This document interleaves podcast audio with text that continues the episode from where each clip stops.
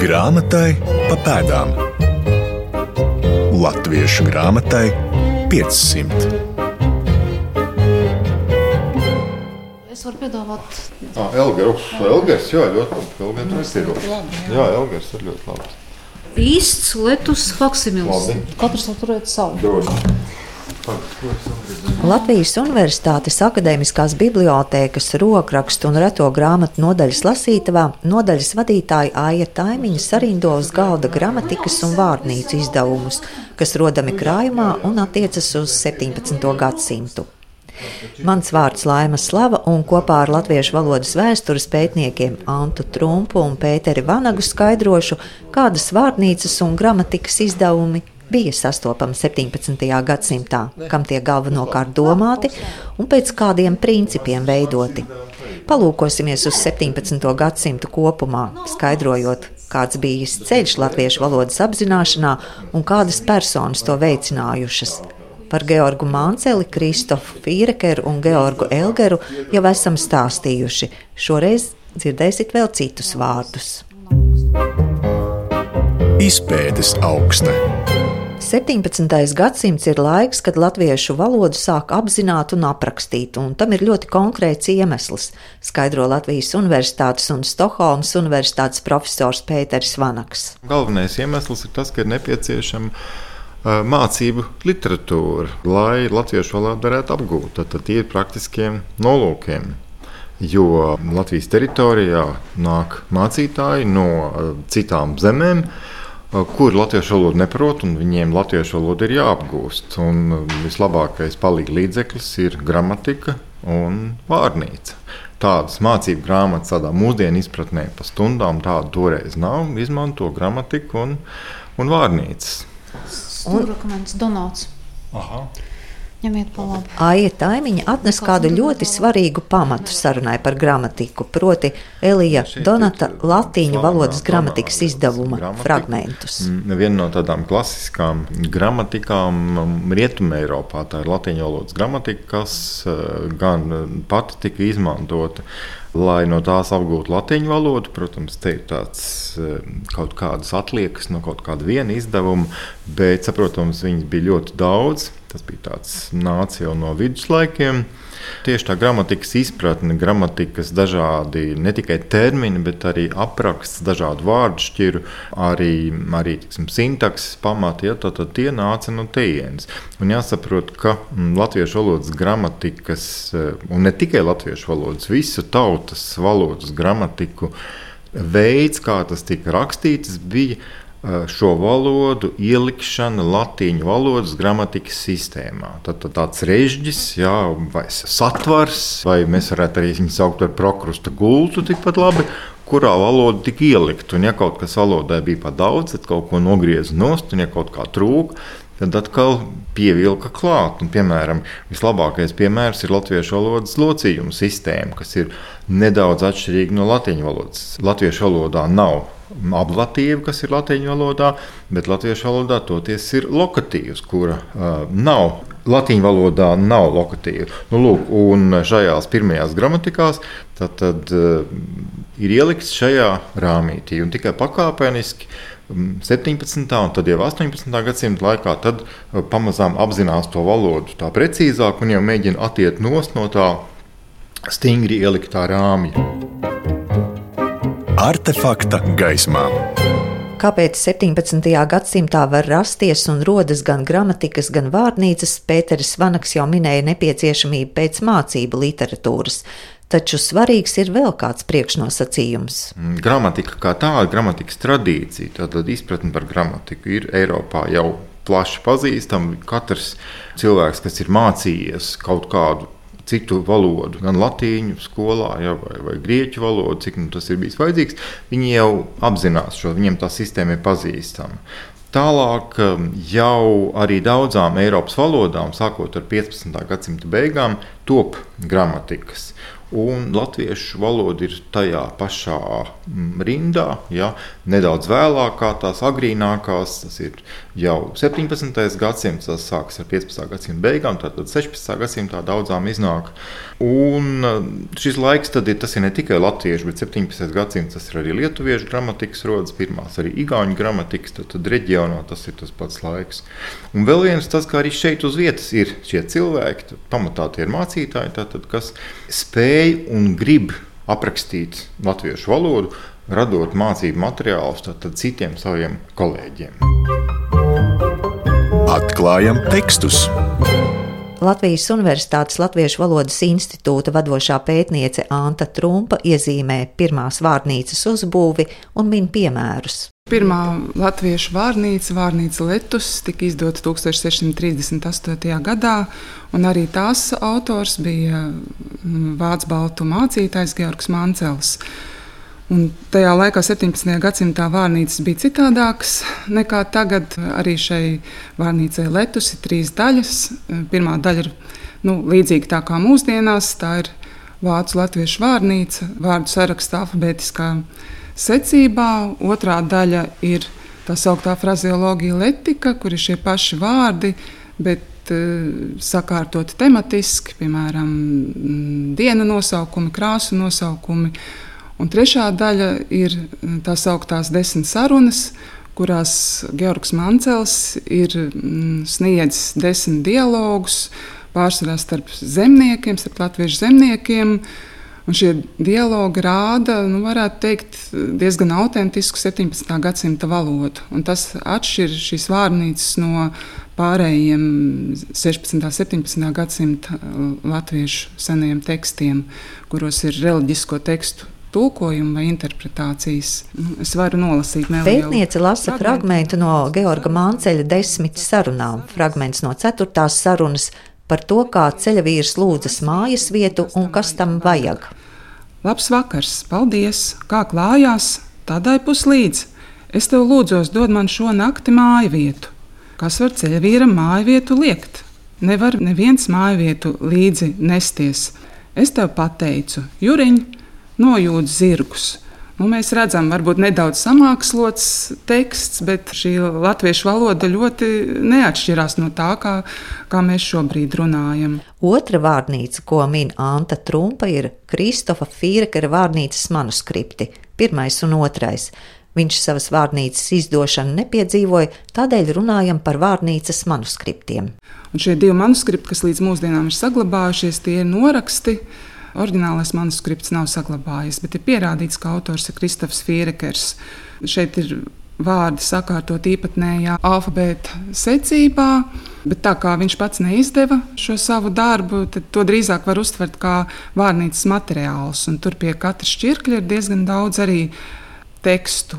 Ir kaut kādas frāzes, ir teikumi, ir veseli teksti. Un arī šeit ir, nu, man gribētu teikt, tāda īsta dzīva latviešu valoda, tāda sajūta, ka viņš ir klausījies apkārt, eh, ko runā viņa sieva. Viņa sieva bija latvieta, kaut kādi kaimiņi vai kalpotāji. Tas arī ir ļoti interesanti. Piemēram, es te nedaudz izrakstīju no šī manuskripta. Piemēram, ir diezgan daudz tekstu par bērniem. Tāds iespējas, ka viņš ir bērns redzējis savā tuvumā, vai nu tie kaut kādi uh, kaimiņu bērni vai, vai, vai sievas bērni. Vakar mans bērniņš divi labus bāņus gulēja. Nu, bānis izloksnēs ir lielāks laika sprīdis. Acīm redzot, māte priecājas par zīdainīti, kurš ir labi izgulējies. Vai arī, teiksim, sieva vīram varētu teikt, liec pats bērnu šūplī, ko es viņu jemstelēšu, viņš uzmodīsies. Jemstelēt nozīmē vairāk kārtīgi ņemt un likt atpakaļ. Vai, piemēram, kāds var vecākiem bērniem pateikt par zīdainīti, ko tu ieliec ķircinā to bērnu, ko tu bērnu īcini. Bērns atbild, tas bērns tāds īgums, īkst viens. Mēs ļoti labi saprotam šos tekstus. Ir daži kaut kādi atsevišķi vārdi, kas pat nav vecvārdi, kas drīzāk ir nu, no mūsdienu viedokļa izlokšņu vārdi. Nu, ļoti labi saprotam. Anta Trumpa pētījusi Fīreka vārnīcas manuskriptus un pievērsusi uzmanību frāzēm un tekstiem, tādiem dzīvās valodas piemēriem, apkopojusi tos tematiski. Mm, šajos manuskriptos var redzēt ļoti daudzus aspektus, gan jau par bērniem, kā jau minēju. Var redzēt, ka Fīrekers ir ļoti interesējies par dzīvniekiem, ir īpaši par savvaļas dzīvniekiem. Viņam ir dziļākas zināšanas nekā teiksim, mūsdienu cilvēkiem. Un ir tādas frāzes, kā piemēram, tas zaķis kā kaķis skotījās, mazgājās, laizījās. Nu, skotījās zemesgaliskajās izloksnēs nozīmē laizīties, mazgāties. Arī lācis letenus zīž. Letena, acīm redzot, šeit ir ķepas vai gan gribēja to lāci nošaut, bet nevarēja nekā piegūt. Un piegūt šeit nozīmē panākt. Ne par, par teteru mātīti, kāda sašņurkusi, nu tā teteru mātīte. Vai te atkal ir par medībām un putniem. Krauklis nespēja aizlidot, jo ir sašauts. Tātad tas krauklis iešauts, nevarēja āskriet, bet tur jau valstījās. Āskriet nozīmē nevis aizskriet, bet aizlidot. Tāds kā seno tekstu viltus draugs. Lai gan pastarpināti, bet var redzēt šajos manuskriptos arī kaut kādus vēstures faktus. Tajā laikā, kad Fīrikers dzīvoja, Latvijai pāri brāzās divi kari - Polijas, Zviedrijas karš un otrais Ziemeļu karš. Un ir arī tāds neliels atsaucis, neliels frāzes arī par kariem. Nu, piemēram, varas vīri nāk kara vīrus vervēt vai arī par zemniekiem, kuriem būtu vēlme doties karā, bet nav drosmes. Viņi grib par strēlniekiem būt un neuzdrīkst. Pierakars pat pierakstīs ar karu saistītu sakām vārdu priekš kunga nabaks, priekš karja bagāts. Un redzot, kas notiek šobrīd Ukrajinā, šķiet, ka tieši par iebrucēju postījumiem kara laikā vēsta Fīrke rindas. Tas ēlas gabals to labību nevarētu gadskārtā apēst, ko tas te apšķērš. Nu, tad ir dažādas tautas gudrības un pamācības, ēd gardi, dzīvo grūti, tad Dievs tev palīdzēs. Nu, ir vairākas gudrības par aprunāšanu. Ko es esmu redzējis un dzirdējis, to es varu runāt, nebe es no mēli nokasīšu. Vai arī tieši pretēji, kam es iešu par otru savas mutes plātīt, lai viņu pel kā peldams, nevar viņu neviens pelt. Nu, tad ir atrodami dažādi sakām vārdi, kas arī mūsdienās ir pazīstami. Nelaime nāk aumakām. Aumakām nozīmē aumaļām, vai arī antiņš, kur stabulīt, vai arī kā blēdis tu dzīvo, kā blēžam tev arī vedās. Nebāz ģeķim pirkstu mutē, un arī līdz mūsdienām pazīstams mazs cinis lielu sienu vezmu apkārt gāžu. Kristofs Fīrekers rakstījis arī gramatiku. Līdz mums nav nonākusi Fīrekera gramatika neizdotā, ne manuskripta veidā, taču tā ir iestrādāta divos dažādos izdevumos. Viena gramatika ir parakstīta ar Heinricha Adolfija vārdu un izdota 1685. gadā, otra ir Georga Dreseļa. Par gramatikām vairāk zina stāstīt Pēters Vanaks. Viena ir eh, ar Adolfiju vārdu parakstīta. Mm, toreizies kurzemes eh, superintendants, tad baznīcas eh, virsgans 1685. gadā izdod savu Ersterferu Zuhu pirmo latviešu valodas mm, gramatikas mēģinājumu, bet viņš norāda, ka tur ir izmantota Kristofa Fīrekera materiāli. Un tajā pašā gadā Rīgā Adolfija gramatika ir iespiesta Jelgavā, bet eh, tajā pašā gadā Rīgā iznāk cita mācītāja, Georga Dreseļa. Eh, arī kurce anlaitunga, tātad īsts vadonis latviešu valodā, kur arī ir izmantoti šie paši firkera materiāli. Tā ir daudz īsāka. Arī viņš tāpat norāda, ka ir izmantojis Kristofa Firkera materiālus. Turklāt tas arī nav viss. Mums ir arī zināmi arī rokraksti no tā paša laika. Tad, tad eh, arī cita, cita mācītāja rokās ir bijuši šie manuskripti dažādi. Un, eh, kas ir interesanti, tas rāda, tāpat kā šie vārnīcu noraksti, ka šī literatūra, lingvistiskā, ir ceļojusi, ir gājusi, bijusi mācītāja rokās. Mācītāji ir bijuši ļoti ieinteresēti. Tad valodas apguvē, valodas izpratnē, jo arī ne tikai tās Fīrekera, šie manuskripti, kas ir ar Fīrekera vārdu parakstīti, bet ir arī tiksim, anonīmi, piemēram, manuāle Letika Germanicum. Arī manuskripts glabājas šeit, uh, Akademiskajā bibliotekā. Tā arī datēta ar 17. gadsimta otru pusi. Tur arī ir iestrādāti Fīrekera materiāli. Te jāatkāpjas nedaudz atpakaļ, jo Fīrekera gramatika nav pirmā. Pirmā izdota jau 1644. gadā, un tā ir Georga Rehehūzena gramatika. Līdz mūsdienām saglabājies viens eksemplārs, un tas atrodas Upsāles bibliotekā. No mūsdienu viedokļa tā esot vāja, raksturo Pēters Vanaks bet arī tā ir kalpojusi kā valodas mācību līdzeklis. Arī ievadā Rehūzens norāda, ka tā jau ir sarakstīta pirms 14 gadiem, tad jau ap 1630. gadu. Un ir kalpojusi daudziem par palīgu, un daudzi ir lūguši to izdot, un tad nu, viņš to beidzot ir izdevis. Pēc tam mēs zinām, ka ir sekojusi kritika no toreizējā um, superintendanta kurzemē Paula Einhorna, puses ir kāds traktāts izdots arī, kur ir kritika par šo gramatiku, un tas arī nav saglabājies, ir saglabājies neliels rokraksts, izraksts no tās. Un tad jau seko lūk, šīs Fīrekera eh, gramatika, tātad dažādā izpildījumā gadsimta otrajā pusē. Un tā jau ir pilnīgāka, tā jau visai labi apraksta latviešu valodas gramatikas sistēmu. Ja mēs domājam tieši to, ko mēs saprotam morfoloģiju, ja? sintaksis tur ļoti minimāli, bet teiksim, vārdšķiru apraksts, lietvārdi. Um, drusku mazāk, varbūt īpašības vārdi, darbības vārdi ļoti plaši aprakstīti, daudz piemēru formām ir un citas vārdu šķiras.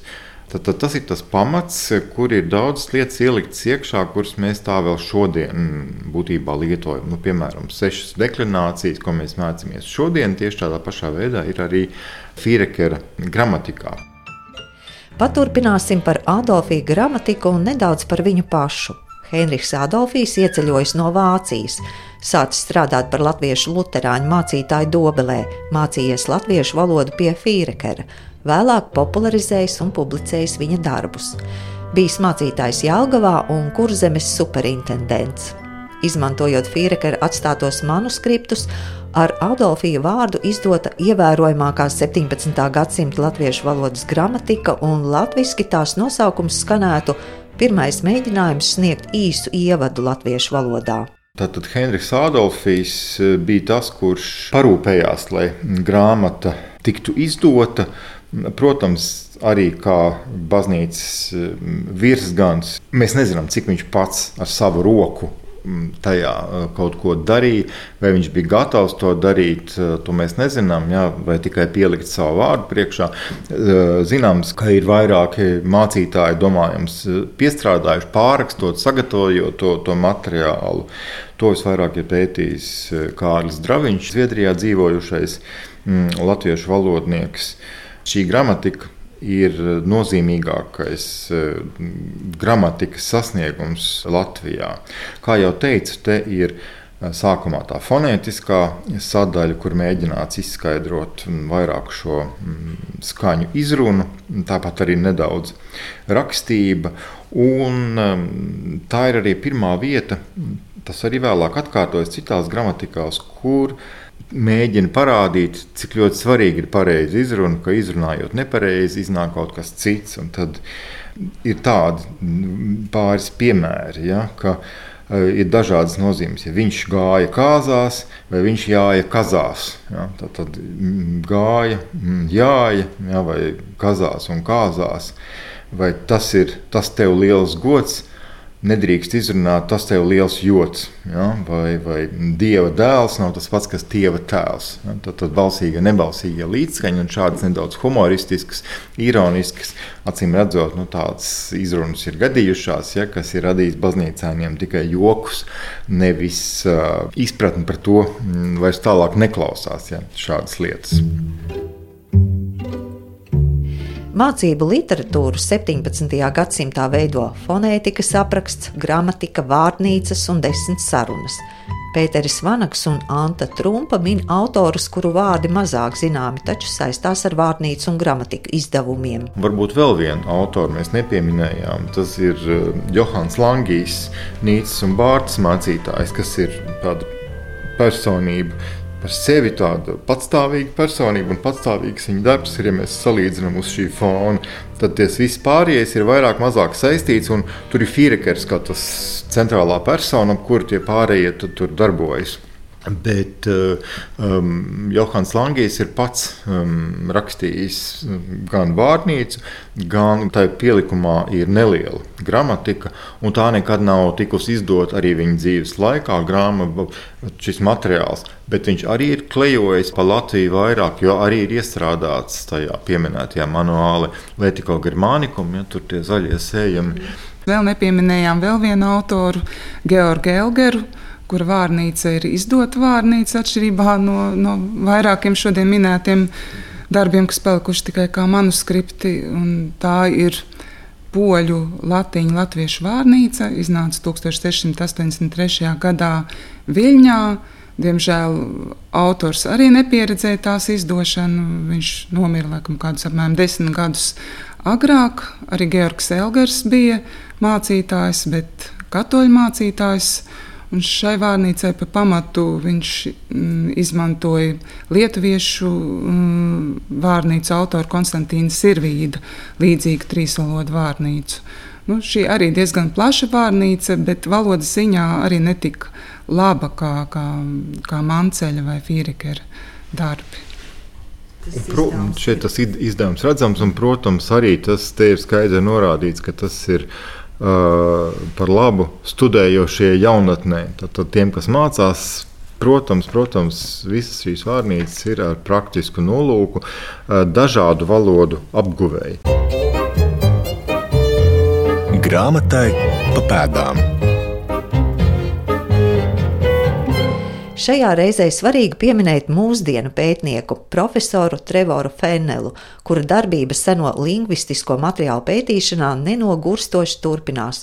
Un arī mums uz galda kārtojas krāsainos vākos iesieti izdevumi. Viņš ir izdevis gan no jauna visas 17. gadsimta gramatikas ar komentāriem, Bet vislielākais nopelns neapšaubām ir tas, ka viņš ir sagatavojis izdošanai vārnīcu manuskriptus. Tātad to, kas nav bijis pieejams pētniekiem ārpus uh, bibliotēkas, tas ir uh, gan Firkera mm, manuskripts, viņš ir um, atšifrējis un izdevis. Tāpat jau pieminēto manuāli Letiko Germānikumu Un uh, arī, protams, arī pašlaik viņš vēl strādā. Ir izdots um, viss materiāls Liborija Debkina Rīgas mācītāja uh, manuskriptu vārnīcē, kas ir 18. gadsimta pats sākums. Nu, viņš vēl pašlaik gatavo šo vārdu rādītāju. Tad, tad šiem viņa izdevumiem ir ne tikai tas materiāls, kurā, kurš ir ļoti plašs un kurā tiešām var gan apmaldīties, gan ļoti daudz ko nevar tāpat atrast.